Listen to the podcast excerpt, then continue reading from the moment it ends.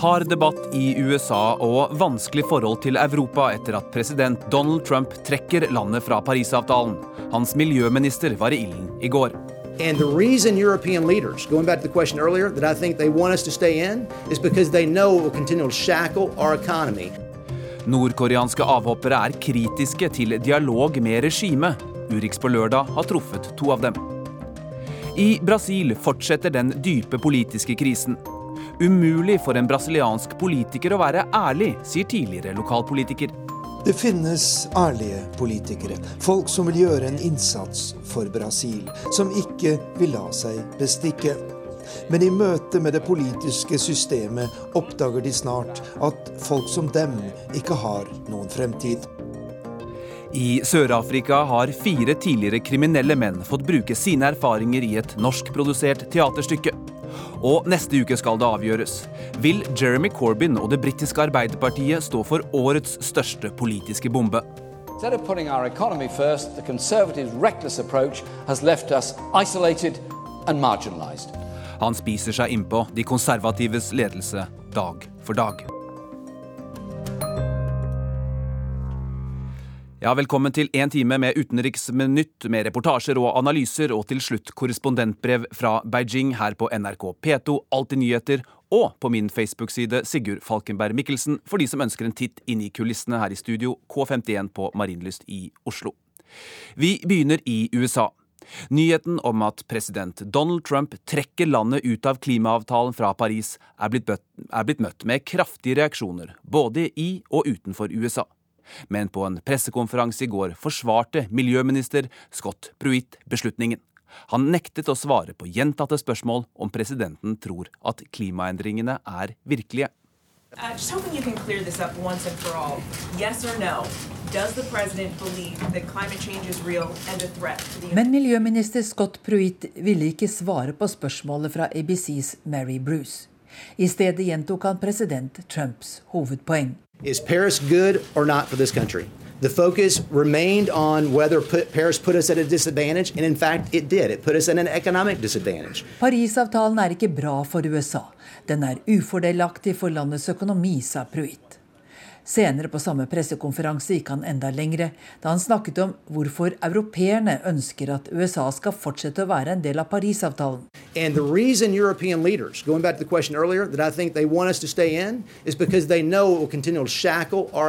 in. De vil ha oss innenfor fordi de vet at det vil fortsette å hemme vår økonomi, sa miljøminister Pruitt. Med andre ord, europeiske ledere har et underliggende ønske om å skade USAs økonomi. Feil, sier demokratiske ledere. Det presidenten nå gjør, er å overlate ledelsen i klimapolitikken til Kina og EU.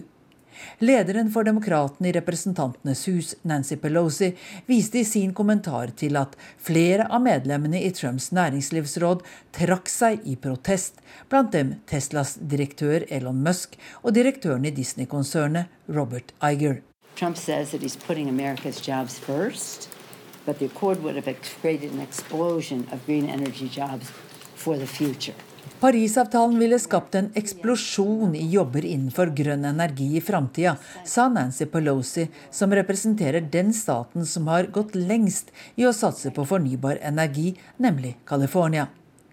Delstatens politikere skryter av at den alene representerer verdens sjette største økonomi, og kommer til å nå målet om at 33% av energiforbruket i 2020 skal komme fra fornybare ressurser. Nancy Raider, direktør i Californias vindkraftforbund, mener at det er trist at Trump ser klimaavtalen som en dårlig forretningsavtale, og legger til. We can make the transition to clean technologies without hurting the economy, and we've shown that in California. Vi kan ta overgangen til rene teknologier uten å skade økonomien, slik vi har vist i California, sa Raider etter Trumps kunngjøring torsdag. Demokratenes Pelosi vet at hun har flertallet av velgerne på sin side når hun kritiserer Trump. Et solid flertall ønsker klare grenser for hvor mye karbon kullkraftverkene kan slippe ut. Men Trump lytter ikke til flertallet. Han har gjort det til en hovedsak å fjerne mange av miljøkravene til kull- og oljeindustrien.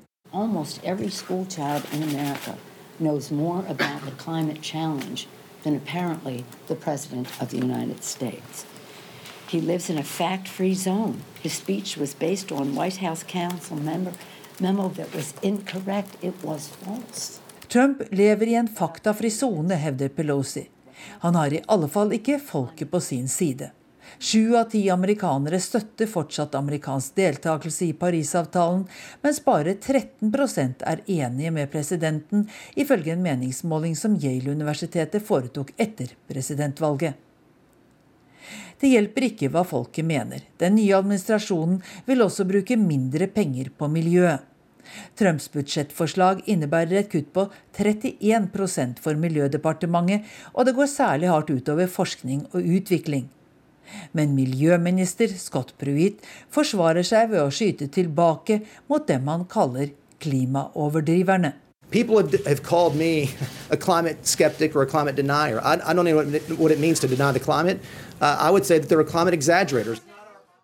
Det var USA-korrespondent Gro Holm som oppsummerte debatten i USA etter presidentens kunngjøring om klimaavtalen. Nå skal det handle om Nord-Korea her i Urix på lørdag. Det er også et av stedene der Trump har varslet en tøff linje, samtidig som Nord-Korea fortsetter sine rakettoppskytinger, og Sør-Korea akkurat har valgt en ny president som tar til orde for dialog. Denne uka besøkte to nordkoreanske forfattere, Lee Jim-yong og Kim Tae-san, Norge. Jeg tok turen til Litteraturhuset i Oslo og besøkte de to. Møtet fant sted i regi av Den norske pennforeningen og den sørkoreanske ambassaden. 지구상의 모든 인류는 보편적 인권을 보호받아야 하며 det hele begynte med at eh, Lee Jim-yong leste opp et manifest som kritiserer menneskerettighetssituasjonen i Nord-Korea og tar til orde for regimets fall. Han er ingeniør og jobbet i en kullgruve før han hoppet av i 2004. Da jeg spurte ham hvordan han holder kontakten med gamlelandet, fikk jeg dette svaret. 그렇죠. 그러니까 이 전화 통화하는 것도 그게 연설에 나와서 전화 통화를 하고 연결돼서 중국전화 연결됐을 때 Det er ikke noe vanskelig å holde kontakten med Nord-Korea. Jeg har ikke endret mitt eh, nummer siden jeg dro for tolv år siden. Både min datter, eldre bror og nevø husker nummeret mitt. Det er mer enn fem millioner mobilbrukere i Nord-Korea, men det er umulig å ringe til utlandet med dem. Det man ser oppe ved grensen til Kina, er at det er mange som har kinesiske mobiler. Slik tjener kineserne penger. Men der går det an å ringe ut. Min familie gjør dette, og slik får jeg snakket med min familie, og noen ganger kan jeg sende dem penger. Men jeg synes de også har endret seg. Nevøen min snakker mer med en aksent som de som bor i Seoul, og han snakker også negativt om familien som leder landet. Det torde aldri vi gjøre tidligere. Lee var forfatter også da han bodde i Nord-Korea. Da skrev han godkjent regimelitteratur. Den fulgte et bestemt mønster. 북한에서는 그게 좌우명이거든요. 당과 수령을 위하여 한 목숨 바치자. 이게 i Nord-Korea oppfordres folk til å ofre livet sitt for lederen og partiet. Det er mottoet. Jeg skrev en bok som het 'Lojalisten'. Den fikk god omtale. Den handler om en mann som har fått ordre om å gå ut av militæret, men som ikke vil trekke seg fra sin lavstående stilling fordi han fortsatt vil tjene landet, selv om ingen anerkjenner hans innsats. Selv ikke datteren hans. Og han sier til henne 'Mitt liv skal være tilegnet lederen og partiet' og til slutt får han sin anerkjennelse når lederen tilfeldigvis besøker militærleiren hans. All litteratur i Nord-Korea følger et lignende mønster, sier Lee. Hans kollega Kim Tae-san bryter inn.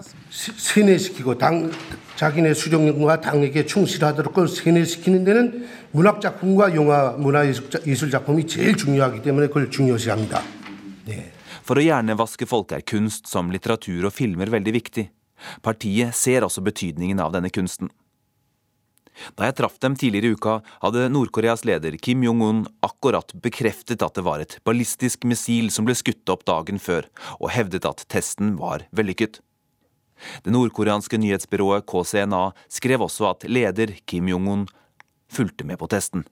미사일 만들고 핵을 가지고 뭐 지금 현재 뭐 미국과 맞서고 뭔가를 하는 그것이 다 저희들은 그래요. 저희는 뭐 북한에서 살다 나왔으니까 Det er nok mer enn én grunn til at de gjennomfører disse testene, sier Kim.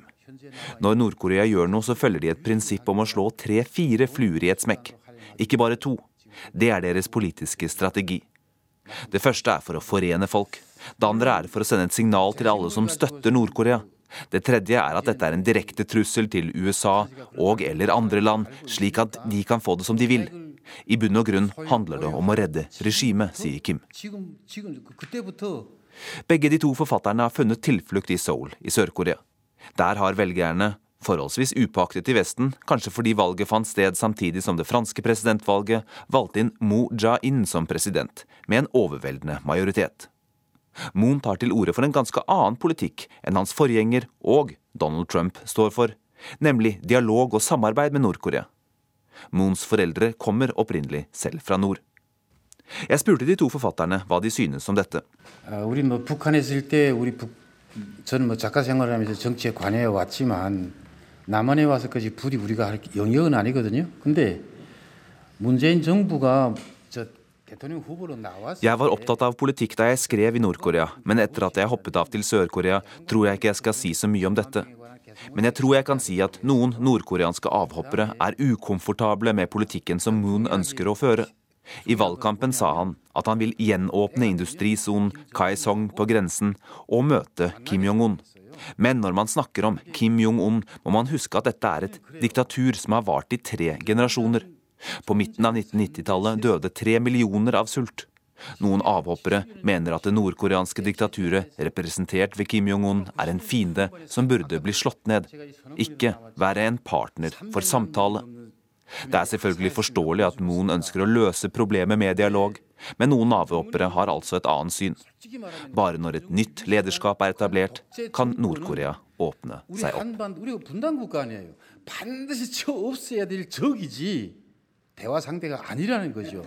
한반 우리가 분단 국가 아니에요. 반드시 저 없어야 될 적이지 대화 상대가 아니라는 거죠. 근데 정치적 면에서는 그렇게 될 수밖에 없다고 Asia-korrespondent Peter Svaar sier at de to forfatterne ikke er alene blant avhoppere om å ønske regimeendring i hjemlandet, og som er kritiske til dialogforsøk. Mange avhoppere havner i den politiske leiren.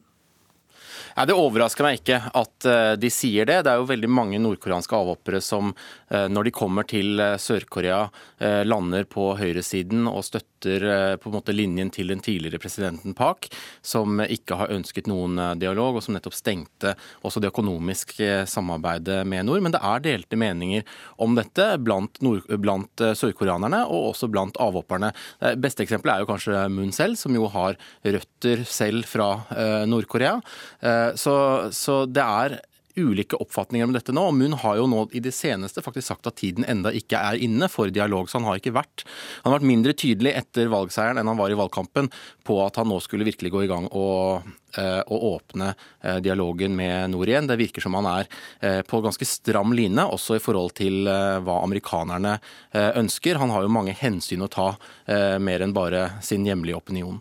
Når det gjelder eh, avhopperne, er det mange av dem i Sør-Korea? Er de, er de høylytte? Deltar de i den offentlige debatten i noen særlig grad? Ja, Det er eh, rundt 30 000 eh, avhoppere i Sør-Korea. og eh, Det er jo en veldig vanskelig vei å komme seg dit, fordi du kan ikke komme deg over demarkasjonslinjen. slik at avhopperne i sør har som regel reist via Kina. I Kina blir de også sendt tilbake hvis de blir oppdaget. Så de må komme seg umerket ut av Kina og ned i Sørøst-Asia, som regel Thailand.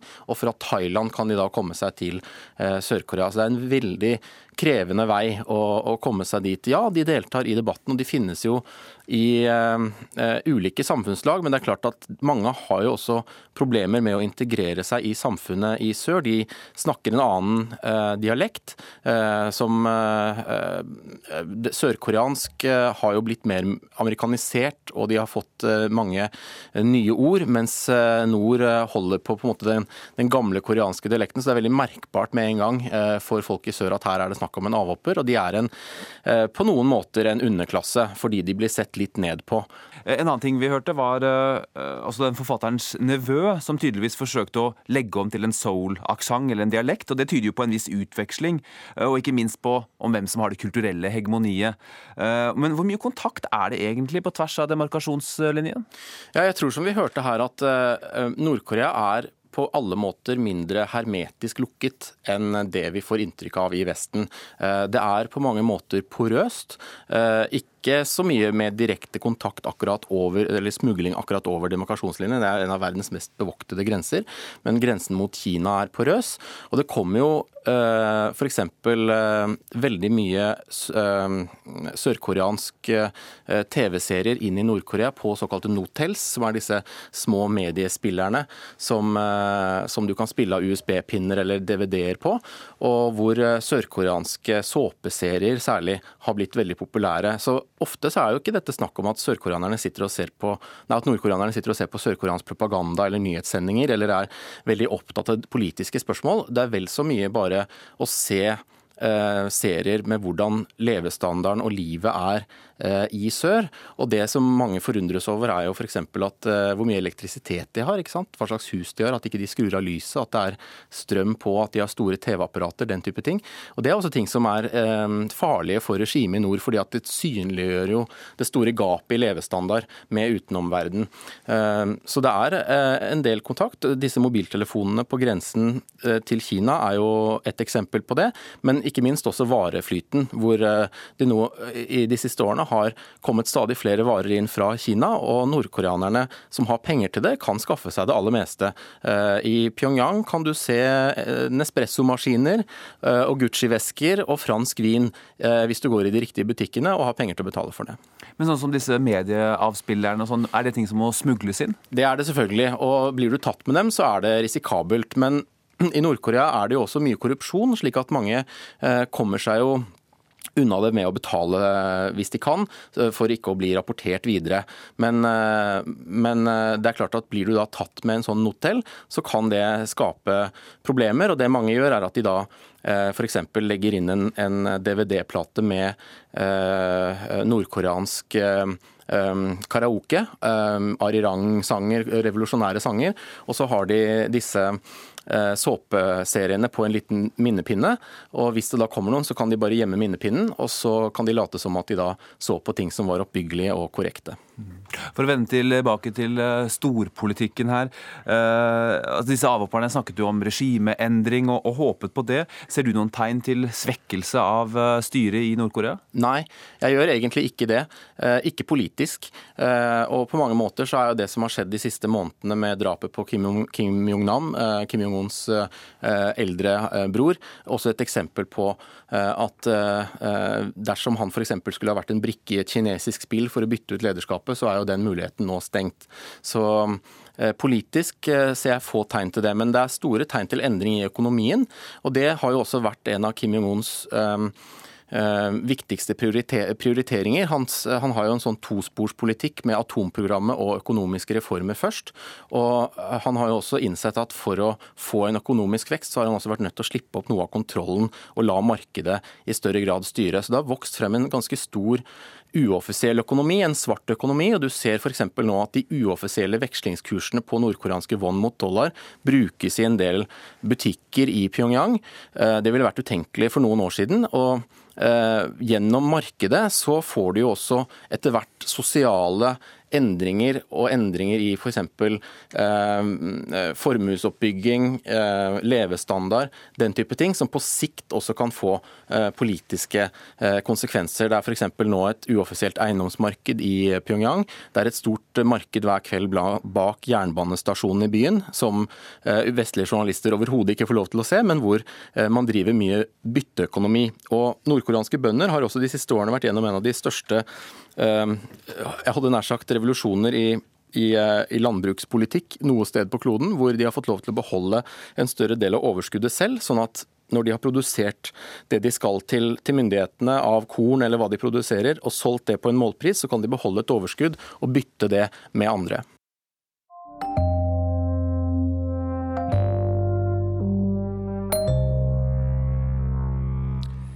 Brasils president Michel Temer klamrer seg til makten etter anklager om grov korrupsjon. Men støtten hans i folket er liten. Mindre enn 10% av brasilianerne støtter nå Temer, og hundretusener har demonstrert i gatene med krav om at han går av. Arnt Stefansen rapporterer fra Rio de Janeiro.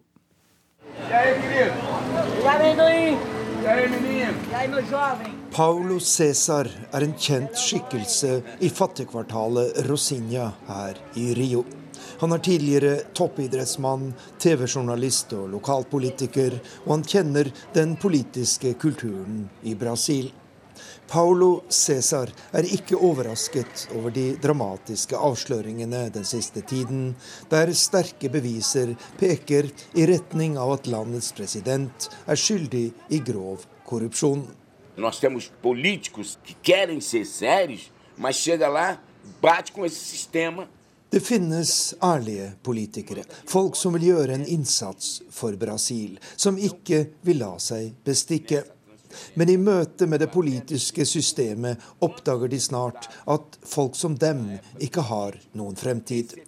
Dersom de ikke vil delta i spillet, ikke la seg korrumpere, er det ingen av kollegene som stoler på dem, sier Paulo Cæsar, som selv var en lovende politiker, men ga opp. A razão pelo qual eu me da política foi por causa disso. Eu vim como candidato. Grunnen til at jeg ikke ville mer, var nettopp slike erfaringer. Jeg var ordførerkandidat i Rio for et lite parti på venstresiden. Men da valget nærmet seg, kom den ene etter den andre med tilbud om store pengesummer, mot løftet om at jeg ville støtte deres økonomiske interesser. Da jeg sa nei, begynte mine partikolleger å motarbeide meg, og jeg skjønte at dette ikke var det jeg ville bruke livet på, sier den tidligere lokalpolitikeren. Det skal mye til for å overraske brasilianerne når det gjelder korrupsjon. At politikere er kjeltringer, er noe man tar for gitt. Men de siste ukene har virkeligheten overgått de fleste brasilianeres fantasi. De har vært vitner til et politisk drama uten sidestykke, med tre personer i hovedrollene. La oss kalle dem fangen, presidenten og kjøttbaronen. Fangen heter Eduardo Cunha. Han var en av Brasils mektigste politikere, men soner nå en lang fengselsstraff for korrupsjon. Presidenten er Michel Temer, Brasils øverste leder det siste året. Og kjøttbaronen heter Joesli Batista, korrupsjonstiltalt leder for kjøttimperiet JBS og en av Brasils rikeste menn. De tre var tidligere venner, men det er de ikke lenger. Kjøttbaronen har fått løfte fra dommerne om nedsatt straff, og for å oppnå det har han lagt en felle for presidenten. Med skjult lydutstyr gjør han opptak av et møte der de to diskuterer noen av Brasils dypeste hemmeligheter.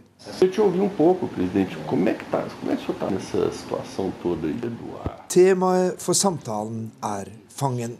Den tidligere så mektige politikeren vet trolig nok til å felle landets regjering. Han må derfor betales godt for sin taushet. Presidenten sier han er bekymret. Han stoler ikke lenger på fangen, og han ber den styrterike kjøttbaronen om å fortsette å betale. Lydopptaket slår ned som en bombe blant brasilianerne, og kravet om presidentens avgang er massivt. Men Brasil er Brasil. Não comprei o silêncio de ninguém. Jeg har ikke kjøpt noens taushet, sier president Michel Temer i en erklæring etter at innholdet i lydopptaket ble kjent. Jeg har ingenting å skjule, og jeg imøteser alle anklager med stor ro. Jeg går ikke av, erklærer presidenten, for sikkerhets skyld to ganger. Não renunciarei. Repito, não renunciarei. Fora Ut med Temer, roper demonstranter over hele Brasil. Presidentens erklæring har fått hundretusener til å gå ut i gatene og kreve hans avgang. Men selv om saken etterforskes, og selv om noen av presidentens politiske allierte mener han bør trekke seg, så er det mange som tror at han greier å klamre seg til makten til over valget neste høst. Jeg tror ikke det acontecer nada. Jeg tror ikke det vil skje noe som helst, sier Paulo Cæsar i Rosinha. President Temers venner vil støtte ham, og svært mange, både politikere og forretningsfolk, vil at han skal bli sittende, uansett hvor skammelig denne saken er. Vi skal huske at denne regjeringen fører de mektiges politikk. En politikk som tjener de rike og er til fortvilelse for de fattige, sier den tidligere lokalpolitikeren i favelaen Rosinha her i Rio.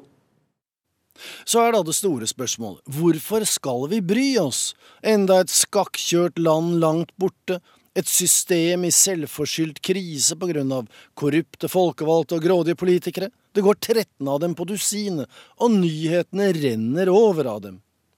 Og det er delvis riktig som sexologene Inge Steen så presist sa en gang, det er ikke størrelsen det kommer an på. Israel er et lite land, men veier tungt internasjonalt. Falklandsøyen er i utgangspunktet irrelevante, men allikevel ble det krig. I 1983 invaderte USA den karibiske øystaten Grenada, en halv gang større enn Bærum, men altså viktig nok til at USA aksjonerte. Samtidig så kan ikke Inge Steens postulat overføres til politikken, der størrelse faktisk teller. I'm talking to the whole planet. Five continents, billion of people. Well, we Rio, the Olympic city. For ti måneder siden så kunne Carlos Artur Nussmann åpne de 31. olympiske sommerleker på Maracana stadion i Rio de Janeiro. Byen og banen der VM-finalen i fotball for menn hadde vært avviklet bare to år tidligere. Og små nasjoner verken kan avvikle eller vil bli tildelt den type arrangementer. Størrelse er viktig, og Brasil er stort. Verdens femte største i flatinnhold, verdens femte største i folketall, og for noen år siden på god vei til å kunne bli verdens femte største økonomi. Men vanstyre og dårskap samt råvarepriser og internasjonale konjunkturer stanset Brasils økonomiske ferd mot maktens tinder. For den sovende regionale stormakten i Sør-Amerika var en periode på vei inn i den storpolitiske varmen. Barack Obama called him the world's most popular president. Newsweek, Le Monde and the Financial Times the world's most influential. Brasils karismatiske president gjennom mange år, Lula da Silva, ga landet et ansikt.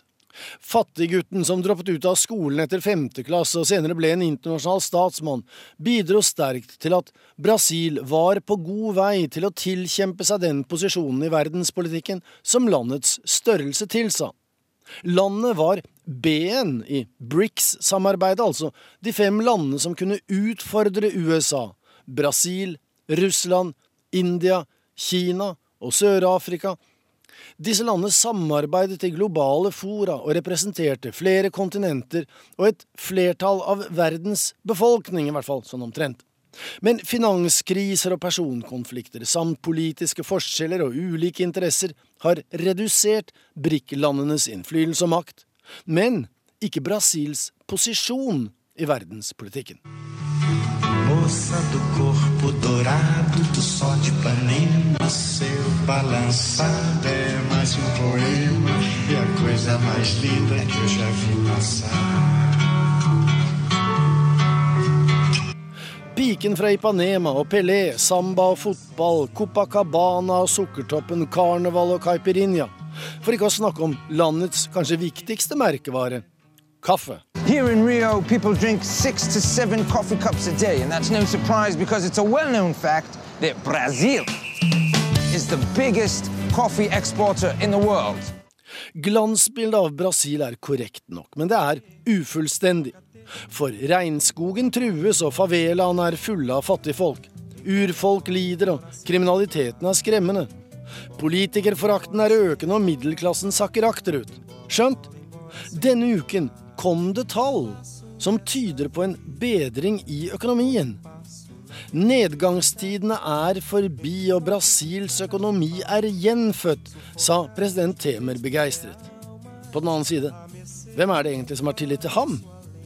Så poenget må være å gjenreise tilliten til Brasil og brasilianerne. For vi kan nemlig ikke stille oss likegyldige. Brasil angår oss alle. Det var kollega Joar Hoel Larsen som delte sine tanker om dette og hint.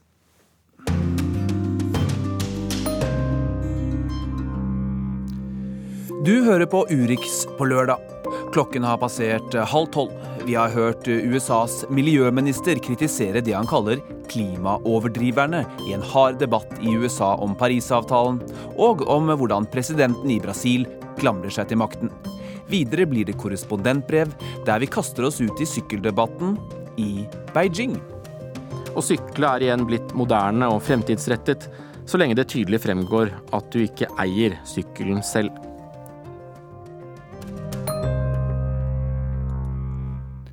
Men først skal vi holde oss eh, her i Europa, for neste uke velger Storbritannia nytt parlament. Det er det andre av tre store valg som finner sted her på kontinentet i år, etter Frankrike, men før Tyskland. Det som lenge så ut til å være en ren formalitet for de konservative og sittende statsminister Theresa May, har endt opp i en real politisk batalje, der det britiske Arbeiderpartiet og Jeremy Corbyn knapper inn på de konservatives ledelse dag for dag. Instead of putting our economy first, the Conservatives' reckless approach has left us isolated and marginalised, increasing the chances of Britain crashing out of the EU without a deal, which would be the worst possible outcome for this country. Britain is leaving the EU, but let's be clear there's no such thing as no deal. Well, I'm interested, you know, in, in, the fact that Jeremy Corbyn seems to be paying far more attention to how many appearances on telly he's doing. I think he ought to be paying a little more attention to thinking about Brexit negotiations. That's what I'm doing to make sure we get the best possible deal for Britain. Her hørte vi først Jeremy Corbyn til ovasjon på et valgkampmøte si at May, i stedet for å sette økonomien først, har ved sin uforsiktige tilnærming marginalisert og isolert landet, og at muligheten øker for at Storbritannia krasjer ut av EU uten en avtale. May sa deretter i et intervju på BBC at Corbyn var mest opptatt av hvor mye han var på TV, og at han burde bry seg om brexit-forhandlingene, for det var det hun gjorde. De to kommer ikke til å møtes i direkte, til, eh, direkte debatt i valgkampen, fordi May ikke vil stille opp. Det at det har blitt en så tett valgkamp, var absolutt ikke som forventet i det regjerende konservative partiet, da statsminister Theresa May erklærte at et nyvalg skulle avholdes 8.6, forklarer London-korrespondent Espen Aas. Nei, Dette er jo et politisk mareritt av en annen verden eh, for henne. Hun ville i utgangspunktet selv ikke ha noe nytt valg, og har benektet gang på gang at det ble aktuelt med nyvalg. Så lar hun seg presse av sine egne partifeller, som ser at vi leder 21 21 prosentpoeng på målingene. Vi må ha nyvalg, vi skal skaffe oss det beste flertallet på mange, mange år. Og så går det så dårlig, for de har ingen skikkelig plan. Deres eneste plan var at eh, hun hadde troverdighet og Jeremy Corbyn ikke hadde det. Og så har alt eh, snudd seg om, og nå, nå, ligger de eh, nese mot nese. Ja, hvor nær er de egentlig, de to partiene i oppslutning? Ja, Man skal være forsiktig med målinger i Storbritannia. Det vet vi både fra målingene før brexit-avstemningen og forut for parlamentsvalget i 2015. Men på enkelte målinger så er det nede i 3 prosentpoeng, og det er store feilmarginer. fordi dette er jo prosentvis oppslutning, mens valgordningen i Storbritannia er jo at du får én eh, valgsperson per valgkrets, slik at alle andre eh, stemmer er jo da bortkastet, som ikke går til den som vinner. Eh, men utregningene tyder jo på at det kan bli veldig veldig jevnt, at hun kanskje ikke får eh, noe særlig flertall, i hvert fall får et så dårlig flertall at valgkampen uansett vil se ut som en fiasko, selv om hun skulle vinne. Yngre velgere uh, ser også ut til å foretrekke Corbyn. Jeg så en meningsmåling her gjennomført av Ipsos Mori som viser at Labour leder med 46 mot 36% for velgere mellom 35 og 49 år. Og det etter i samme velgergruppe har ligget 52 til 34% bak. Det er ganske voldsomme svingninger. Veldig. Uh, og, og Corbyn har gjort noen grep både når det gjelder politikken. Uh, han hadde jo en del politikk som for, nok, som for mange nok fremsto som ganske gammeldags, gammelsosialistisk. Han så litt shabby ut. Eh, rett og slett, eh, med litt sånn buksejakk og ikke alltid riktig slipsknute. Men han har nå stilt i blådress på TV. Han er en kjempesuksess. Han er en god taler, det skal ingen ta fra ham. Han er god på folkemøter, ikke alltid så god i debatt, men på folkemøter har jeg vært og sett ham selv. Det var lange køer langt ned i gaten av studenter, unge mennesker, unge radikalere, som sikkert kommer til å bli mer konservative når de blir voksne, slik mange blir. Men der har han hatt en god appell, og en av de mest populære tingene han har foreslått nå i innspurten, er jo å ta vekk disse studieavgiftene som nå nærmer seg 100 000 i året for å få lov til å studere på universitet, som ble innført eh, under eh, koalisjonsregjeringen av de konservative og liberaldemokratene. Dette har gått hjem hos mange unge. Selv om Corbyn har hatt et oppsving på meningsmålingene, har det også vært noen mindre heldige opptredener, som da han tidligere i uka fomlet veldig under et intervju på BBC eh, med snakk om helseforsikring og helsedekning. Kan jo høre på hva som skjedde. Let me understand then. How much will it cost to provide unmeans tested childcare for 1.3 million children? Um, it will cost. Um, it will obviously cost a lot to do so. We accept that. I presume you have the figures. Yes, I do. Uh, we'll. It does cost a lot to do it. The point I'm trying to make is that we're making it universal, so that we are in a position to make sure that every child gets it, and those that can. Um, uh, uh at the moment get free places will continue to get them. Those that have to pay won't, and we'll collect the money through taxation, mainly through corporate taxation. So, how much will it cost? I'll give you the figure in a moment. You, you don't know it. Um, what you're, I want you're logging into your iPad here. You've announced a major policy, and you don't know how much it will cost. Vi hører her altså Corbyn ikke klare å tallfeste et av de sentrale punktene i eh, valgkampprogrammet sitt direkte på lufta på BBC. Eh, hvor betydningsfullt er dette for valgkampen hans? Altså, det var jo eh, på et tidspunkt hvor det ellers gikk ganske bra for Corbyn. Og dette er andre gang partiet har gjort det. En av hans nærmeste medarbeidere, som heter Diane Abbott, som også er folkevalgt, hadde akkurat akkurat det samme da hun skulle forklare hvor mange nye politimenn og politistillinger de skulle finansiere, og det ble et svarerot, og hun endte bare opp med å beklage hele greia, som han også gjorde senere på dagen da dette skjedde. Og det er den tingen som de konservative alltid angriper Labour på, at ikke de har orden på økonomien, fordi at de blåste opp offentlige budsjetter, og Storbritannia var nærmest konkurs da eh, finanskrisen inntraff. De la jo igjen berømt nok en liten lapp i Finansdepartementet da de forlot regjeringskontorene hvor det sto 'The money has run out'. Det er ikke penger igjen. Og det var en spøk fra deres side, men har blitt brukt mot dem om igjen og om igjen. David Cameron, Cameron sa aldri vi må aldri gi nøklene tilbake til Labour, for de kommer til å krasje den i nærmeste tre. Og der jobber jo Corbyn veldig med å forklare vi skal finansiere med økt skatt fra de rike. Store multinasjonale selskaper som i dag får store skatteletter, skal betale så og så mange prosent eh, mer skatt. Og det har gått bra når det har stått i manus, men de gangene som de har blitt spurt eh, eller stilt eh, andre spørsmål enn de har forventet, så har det eh, rotet seg til. Og da blir den troverdigheten ganske raskt trukket i tvil. Også fordi Corbyn jo har null erfaring fra regjering selv. Han har jo alltid vært mer eller mindre i opposisjon til egen regjering. Særlig da Tony Blair dro politikken mye mer mot høyre, så var jo Corbyn Han stemte mot omtrent alt eh, Tony Blair stemte for. Og da får han litt det eh, stempelet igjen, som ikke fullt eh, så troverdig. Mm. Innledningsvis hørte vi begge kandidatene snakke om brexit, men hvilke andre temaer har vært viktige i valgkampen? Det er jo eh, et veldig viktig tema som eh, handler om offentlig helse. Og det er jo der eh, Theresa May også kjørte rett i grøfta for noen uker siden. Da partiet foreslo økt, eldre, økt egenbetaling for eldre når de skulle ha helsetjenester. Hun sa at nå skal vi begynne å innregne verdien av husene til folk for å se hvilket grunnlag vi skal beregne egenbetalingen på. Litt sånn komplisert dette her. Men det ble som en ekstra skatt på helse. Kjempeupopulært. Og det gikk et døgn måtte hun si nei, vi skal ikke ha det likevel. Og hun har alltid profilert seg på støkurs. Eh, og dette er uh, 'this lady is not for turning', men nå sier jo folk at 'this lady is for you turning'. Altså dette er en dame som, som snus. Men helsesektoren i Storbritannia sliter. NHS, som det heter der, offentlig helsevesenet, er underfinansiert, underbemannet, og ingen vet helt eh, hvordan man skal komme ut av det. De konservative mener at det kan løses eh, privat. Labour mener at det kan løses med å sprøytes enda mer offentlige penger inn i det hele.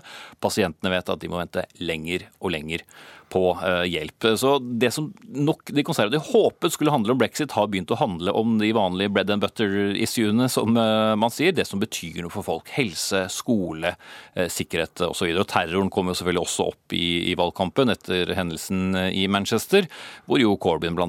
la en del av skylda på sitt, den regjeringen i sitt eget land som har drevet en utenrikspolitikk som han mener har snarere satt i gang terrorisme enn å forhindre det.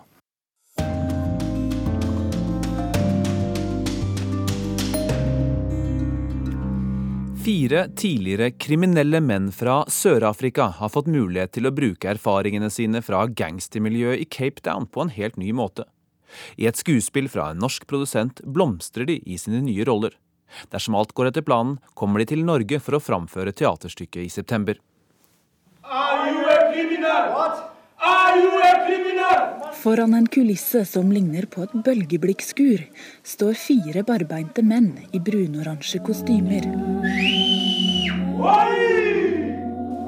Scenen er fylt med sand, akkurat slik som i gatene i de fattige forstadsområdene der de vokste opp.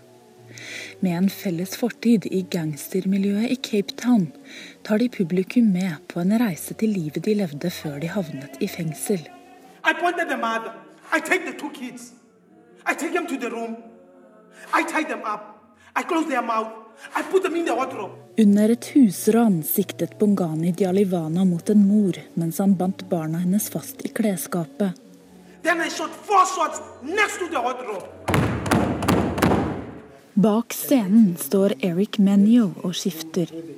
På ryggen og halsen har han to lange arr fra en slåsskamp.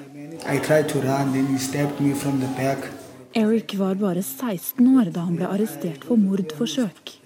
Gjengen hans gikk løs på en mann som til tross for store skader overlevde. Like.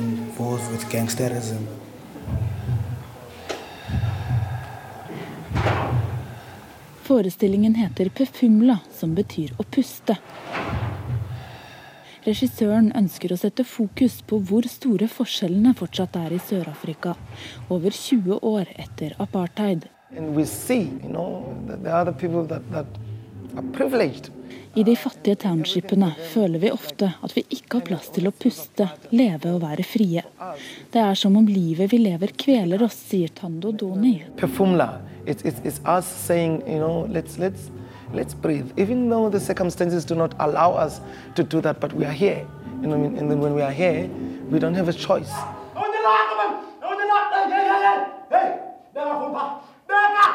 Blant publikum i salen sitter produsent Mariken Laustad. Hvis alt går etter planen med visum for skuespillerne, tar hun dem med seg til Sandfestivalen i Kristiansand i september. Der skal de framføre forestillingen for et publikum fra 40 land. Ideen fikk hun etter å ha sett en annen forestilling av samme regissør.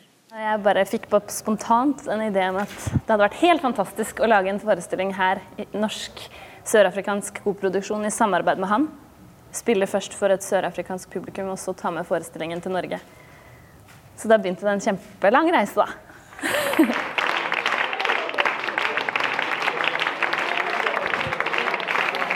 Når applausen har lagt seg, kommer en gruppe unge gutter med caps og store sølvkjeder rundt halsen ut av lokalet. Mørket har falt over townshipen Filippi, der guttene bor. De har lært oss at det er mulig å forandre seg, sier Msodumo Daba. Han forteller at også han har sittet i fengsel.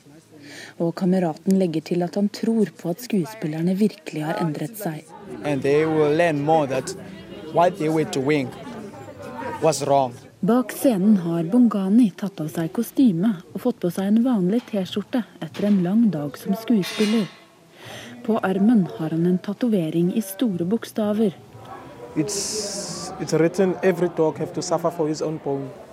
Tatoveringen minner om at han ikke må glemme det han har gjort. That's because, for instance, for me, it's to face my challenges and admit myself that I was wrong what I have done. Eric er også fast bestemt på å ikke falle tilbake i gamle spor. I have a son now. I wouldn't want to jeopardize anything that would like make him never see me again. Because by, by, by, by doing those kind of stuff, you are not moving forward. Reporter i Sør-Afrika var Ida Titlestad Dalbakk.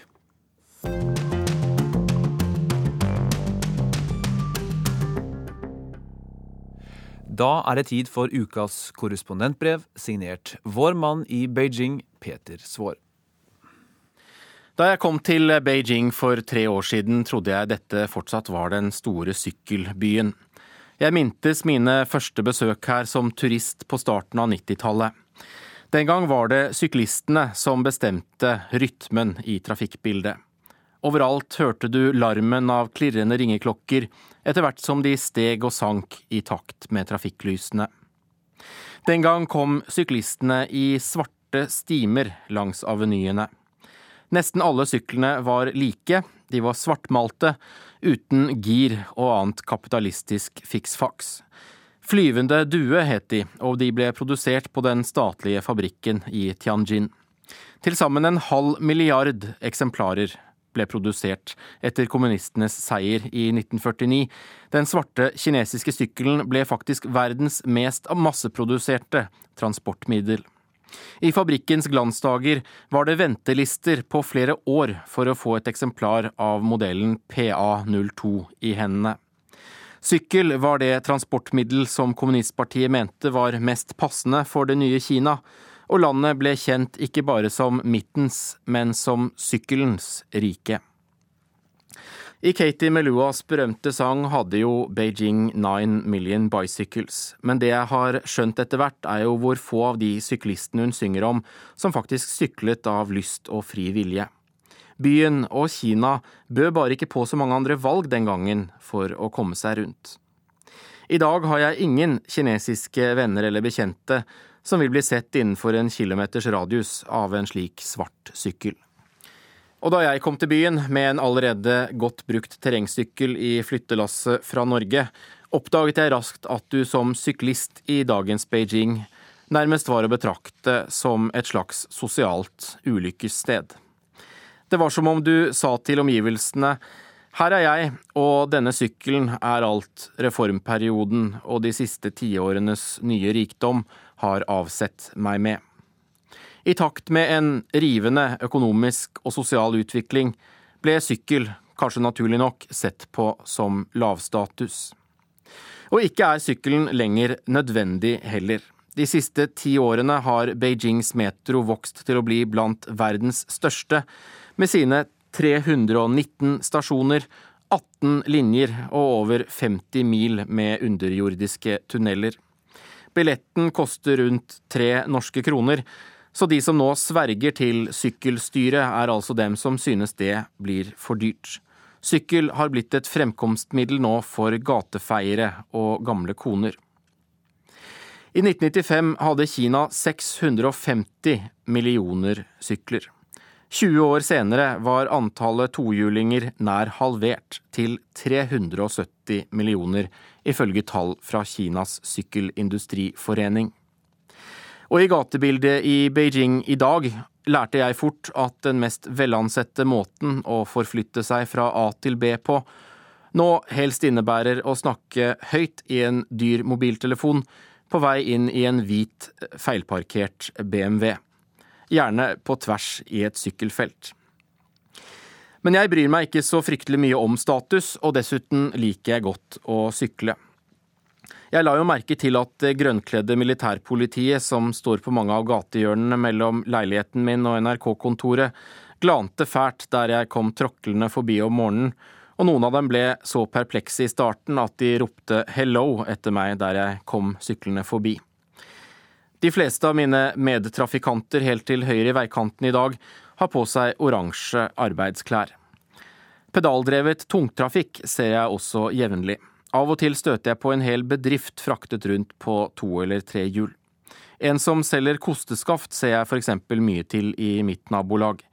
Det er faktisk plass til et hundretall av dem på hans trehjulete sykkel med brett bak. Men jeg trives, selv om vi er nederst på Beijings trafikale og sosiale rangstige, og vår tilmålte og oppmalte plass i asfalten nå har blitt fritt vilt for alle lenger opp i næringskjeden med nyvasket og som regel tyske dieseldrog. Å sykle er på mange måter den beste måten å gå på oppdagelsesferd i nye og ukjente byer.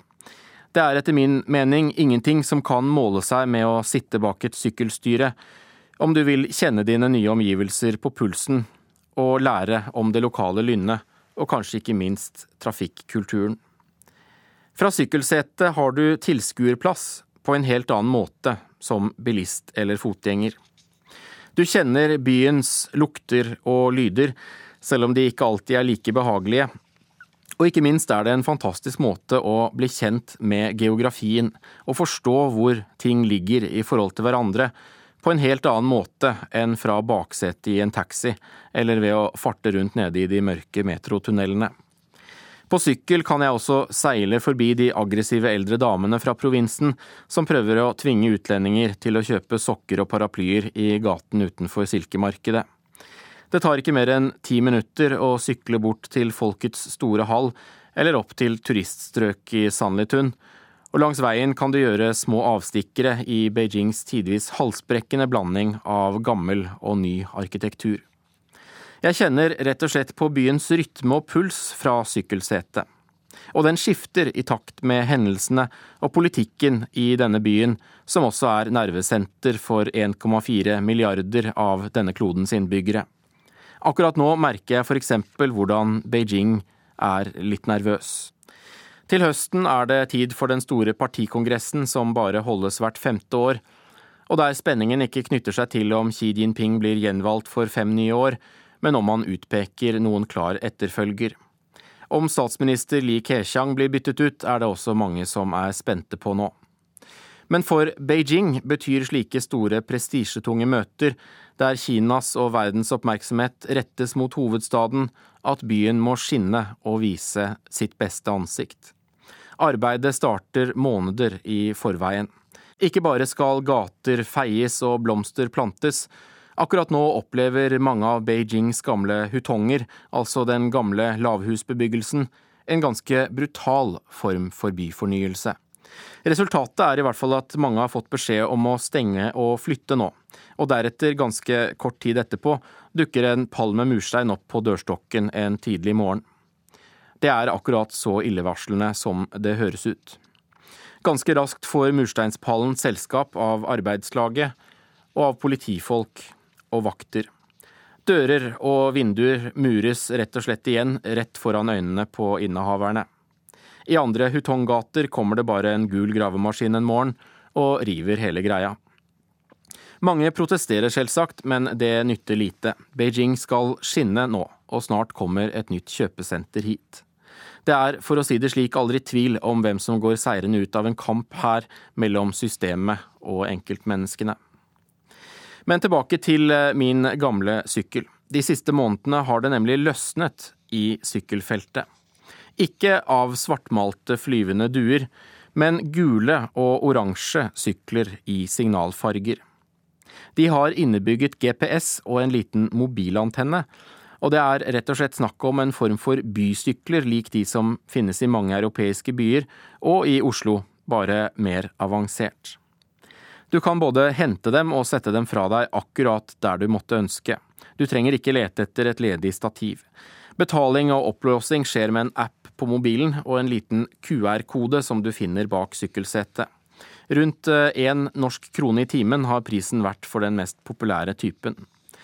Og i en slags symbiose av kinesisk venturekapital og det faktum at kinesere er eksperter i å hoppe på hyper og trender, så har det blitt hundretusenvis av disse syklene ute i gatene nå, bare siden de startet i februar eller mars i år. Tre selskaper kniver om markedslederposisjon. Direktøren for det største av dem, som heter Ofo, er 25 år gammel og heter Daiway.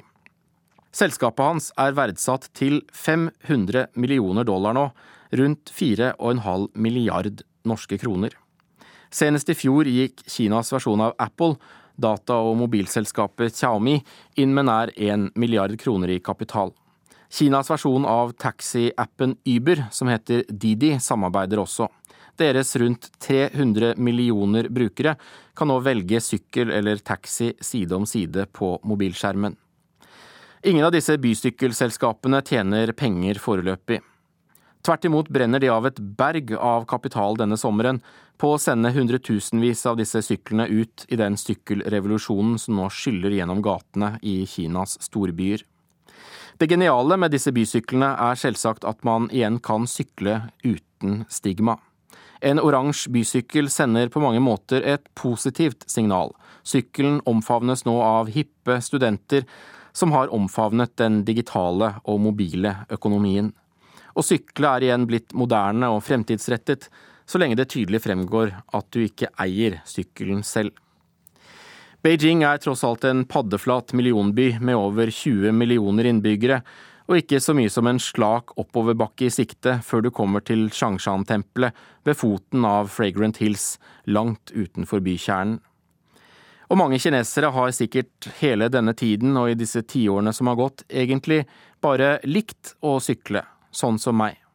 For det er fortsatt den beste måten å kjenne byens rytme. Og med det runder vi av ukas Urix på lørdag. Teknisk ansvarlig Guri Finnsveen, produsent Ulf Tannesfjell, og her i studio Sigurd Falkenberg Mikkelsen.